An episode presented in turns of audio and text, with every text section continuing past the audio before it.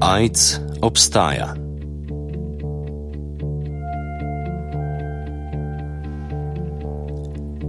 Sledeči prispevek govori o medicini, točneje o virusu HIV in sindromu imunske pomankljivosti po domače AIDS-u.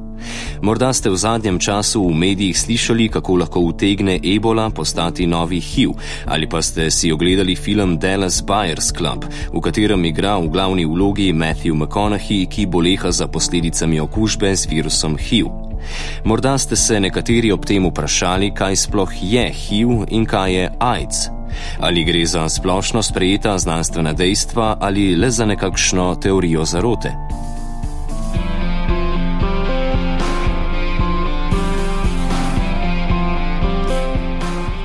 V oddaji bomo najprej na kratko ponovili znanstvena dejstva o HIV-u in AIDS-u.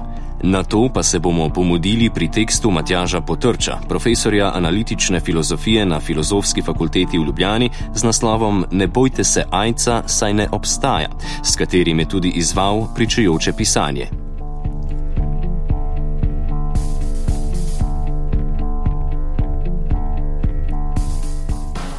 AIDS je kratica za Acquired Immune Deficiency Syndrome, kar v slovenščino prevedemo kot sindrom pridobljene imunske pomankljivosti in predstavlja končno fazo okužbe z virusom imunske pomankljivosti, virusom HIV oziroma Human Immunodeficiency Virus.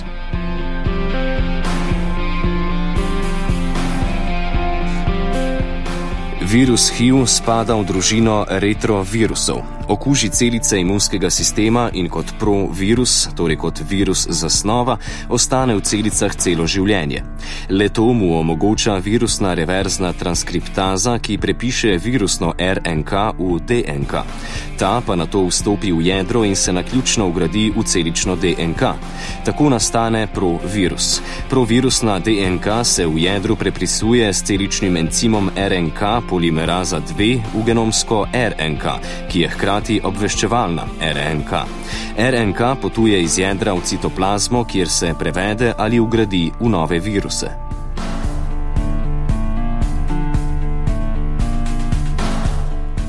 Povedano na kratko, ko se okužiš z virusom HIV, leta ostane v tebi celo življenje. Bravcu, ki ga zanima natančnejša razlaga, v branje priporočam učbenik Medicinska virologija iz leta 2011.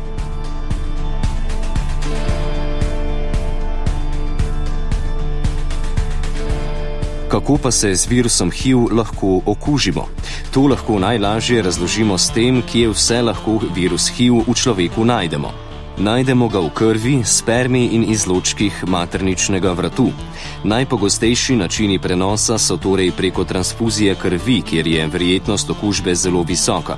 Naslednji prenos je z mame na plot in otroka, kjer je brez zdravljenja verjetnost okužbe 30 odstotna, ob zdravljenju pa 2, ter prek spolnega stika, pri katerem statistika kaže do 1 odstotka možnosti okužbe pri vaginalnem ali analnem odnosu. Ob prisotnosti ranic pa se verjetnost zviša do 10 odstotkov. HIV se prenaša tudi pri vbodi z okuženo iglo, kjer pa je verjetnost manjša od 1 proti 3000.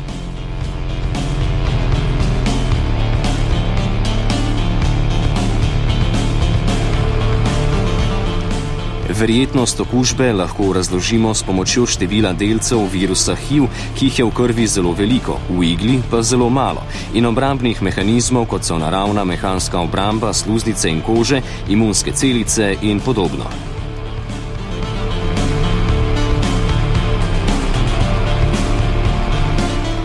Kaj pa se zgodi s človekom, ki se okuži z virusom HIV?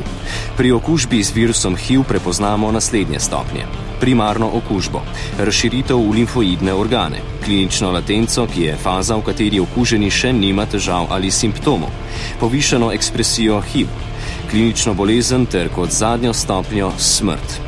Med primarno okužbo in napredovanjem v klinično bolezen navadno mine približno 10 let, pri neozdravljenih bolnikih pa lahko nastopi smrt že v dveh letih po začetku simptomov.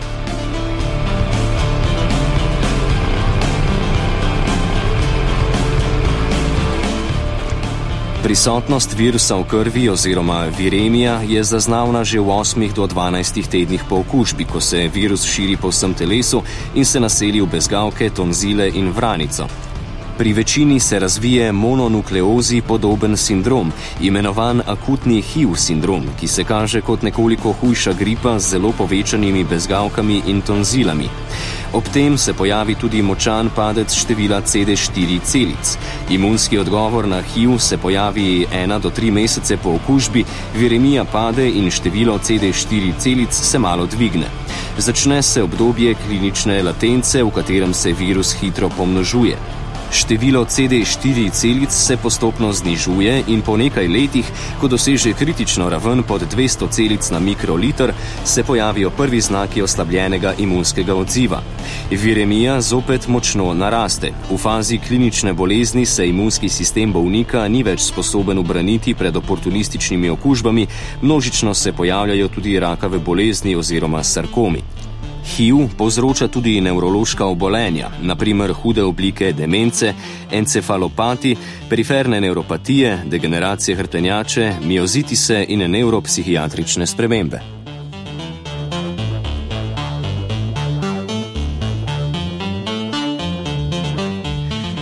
Glede na prej opisani potek bolezni, lahko razložimo tudi to, kdaj in kako lahko diagnosticiramo okužno z virusom HIV. Protitelesa se najprej pojavijo 3 do 4 tedne po okužbi. Pri večini bolnikov jih lahko zaznamo v 6 do 12 tednih, vsi pa so pozitivni v 6 mesecih po okužbi. Najboljši vzorec je krvni serum. Najprej naredimo presejalno testiranje, ki ima majhno specifičnost in visoko občutljivost, na to pa še potrditveno testiranje za pozitivne teste. Če je oseba pozitivna, sledi zdravljenje.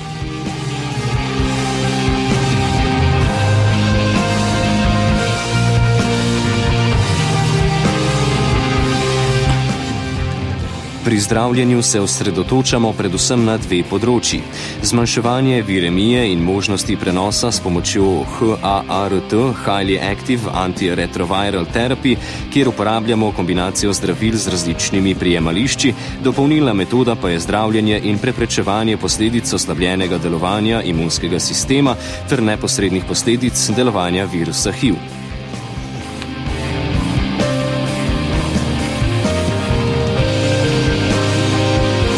Tako, to je bil kratek oris znanstvenih dognanj.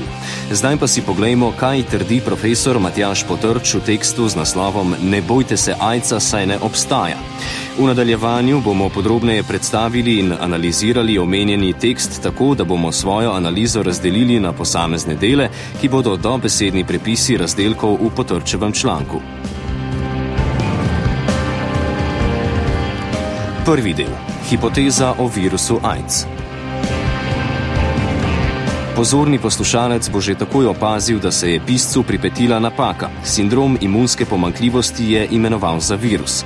Da pisec članka ni strokovnjak na področju infekcijskih bolezni, dokazuje s tem, ko posledično ne obvlada osnovne terminologije, saj AIDS prevede v sindrom nedelovanja imunskega sistema. Razlika med pomankljivim delovanjem in nedelovanjem je seveda izredna in če se izrazim nekoliko kičasto, bi lahko dejal, da gre za razliko med življenjem in smrtjo. Nadalje potrč navede trditev, da tudi povzročitelj AIDS-a ni znan, kar seveda ne drži. Povzročitelj AIDS-a je virus HIV in mehanizem okužbe je popolnoma znan. Further in the tape, I came across another part that made me throw my headphones right off my head. I couldn't believe what I heard. Sledi še trditev o tem, da mora biti virus AIDS-a izjemno zapleten, saj ga kljub množici znanstvenikov in velikim naporom še ni uspelo izolirati. Odgovor. Seveda še nihče ni uspel izolirati sindroma imunske pomankljivosti, saj sindrom ni virus ali kakršenkoli drug mikroorganizem in ga ni moč izolirati. Virus imunske pomankljivosti, to je virus HIV, pa smo seveda že izolirali.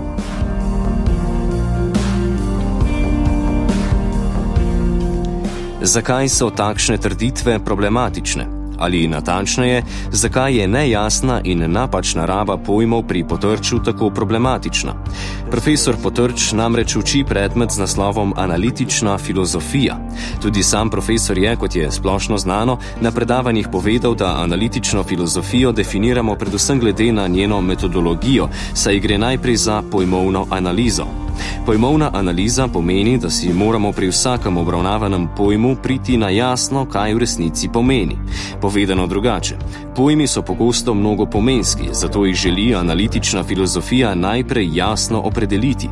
Kako je torej možno, da profesor analitične filozofije tako površno in morda celo namenoma napačno uporablja pojme, ki so v znanstveni sferi jasno opredeljeni?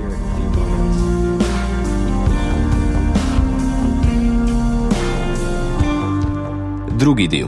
Virus HIV ni nevaren.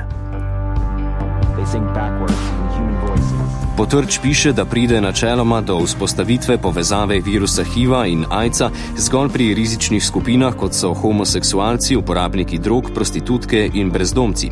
Tudi za to trditev ne navede nobenih dokazov. Če pogledamo na trditev zgolj filozofsko, opazimo nedoslednost. Za koga torej HIV ni nevaren?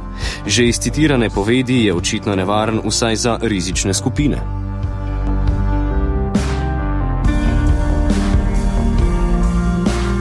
Tretji del. Kaj je AIDS? Splet znanih bolezni. Potrč trdi, citiram: AIDS je splet različnih bolezni, ki so same na sebi že vse znane, kot sta denimo pljučnica ali sarkom. In dejstvo je, da pri bolnikih niso našli še kakšne posebne bolezni, poleg snopa že znanih bolezni. Konec citata. Najprej, seveda je AIDS tudi splet že znanih bolezni oziroma okužb, saj ga označuje prav zmanjšana sposobnost imunske odpornosti.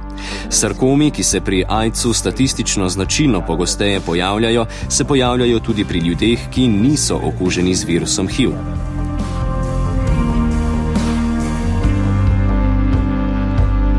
A AIDS je poleg tega tudi nekaj več. Poznamo namreč več nevroloških sindromov, ki so vsaj po zadnjih dognanjih povezani neposredno z okužbo z virusom HIV, naprimer HIV demenca, ki se pojavi pri 15 do 30 odstotkih okuženih, vakuolarna mielopatija s posledično spastično parapeirezo pri 10 odstotkih okuženih, periferna neuropatija in različne mišične bolezni.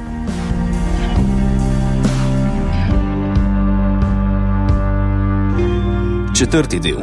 AIDS ni nalezljiv in se ne prenaša s polnimi stiki. Kljub velikemu številu zdravnikov in osebja, ki se ukvarjajo z bolniki, ni bilo v literaturi zabeleženega še nobenega primera, ko bi se nekdo med njimi okužil v stiku z bolnikom. Edini primer pojava bolezni pri zdravnikih so bili, ko so tudi ti sami bili člani rizičnih skupin, kakršni so denimo homoseksualci, piše Potrč. Svoje trditve pa v nadaljevanju še zaostri. Ena od glavnih dogem in praznoveri v zvezi z zajcem je, da se ta prenaša s polnimi stiki, vendar to ni dokazano. In tako lahko pozoren poslušalec prepozna novo protislovje. Potrč hkrati trdi, da po eni strani AIDS ni nalezljiv in se ne prenaša s polnimi stiki, po drugi strani pa so ogrožena skupina homoseksualci. Ob tem seveda predpostavljamo, da potrč homoseksualce opredeljuje predvsem glede na njihovo izbiro spolnih partnerjev, saj omenjena trditev, torej da so homoseksualci ogrožena skupina in se hkrati virus HIV ne prenaša s polnimi stiki, lahko vzdrži le, če bi homoseksualci malce opredelil kako drugače.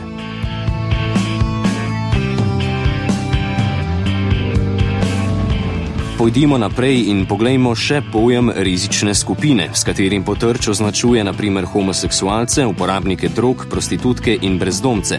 V medicini uporabljamo pojem rizične skupine za skupino posameznikov, ki je za nekatero bolezen bolj dovzetna.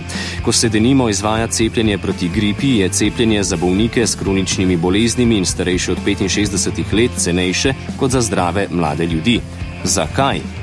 Ker so v primeru okužbe z virusom gripe starejši in kronični bolniki ranljivejši, saj se zaradi slabšega imunskega sistema hitreje okužijo in lahko pri njih gripa poteka huje ter z resnejšimi posledicami. Tako torej tvorijo v primeru gripe rizično skupino prebivalstva tudi starejši in kronično bolni.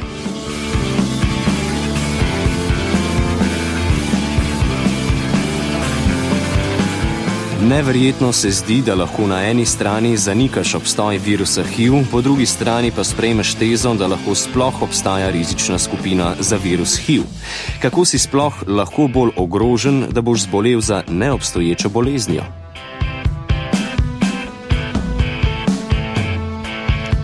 Tudi trditev o neobolevnosti zdravnikov ni resnična. Če pa potrč meri na nizko obolevnost, kar seveda nikakor ni enako kot absolutna imunost na okužbo, pri tem namenoma ali zaradi površnosti spregleduje dejstvo, da zdravniki in zdravstveno osebje upoštevajo stroge preventivne ukrepe pri obravnavi okuženih bolnikov.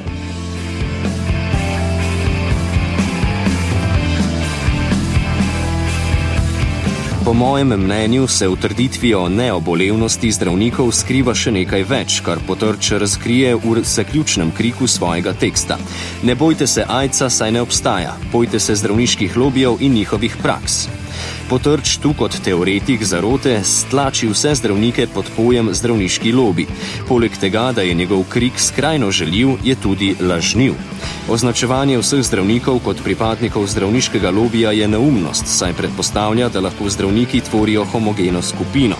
Ob tem se seveda pojavi vprašanje, zakaj se zdravniki sploh delijo glede na različna področja specialnih znanj, če vsi tvorijo skupen lobby. Če je to, kar počnejo, le del zarote, zakaj se delijo glede na specialnosti? Če je zarota homogena, zakaj heterogenost specialnih znanj? No, morda je z vidika takšne paranoje lahko upravičiti heterogenost specialnosti kot sofisticiran način bolj kredibilnega lobiranja.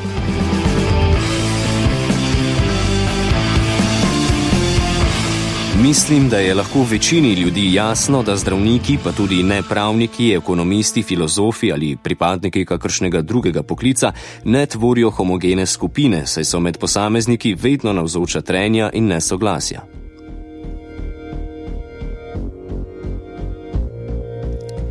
Za konec pa zastavimo profesorju Potrču povsem smiselno vprašanje. Kdo je zdravnik homoseksualec? Je del zdravniškega lobija ali del homoseksualne rizične skupine za okužbo z virusom HIV? Zdi se, da glede na tekst profesorja Potrča oboje hkrati vendarle ne more biti.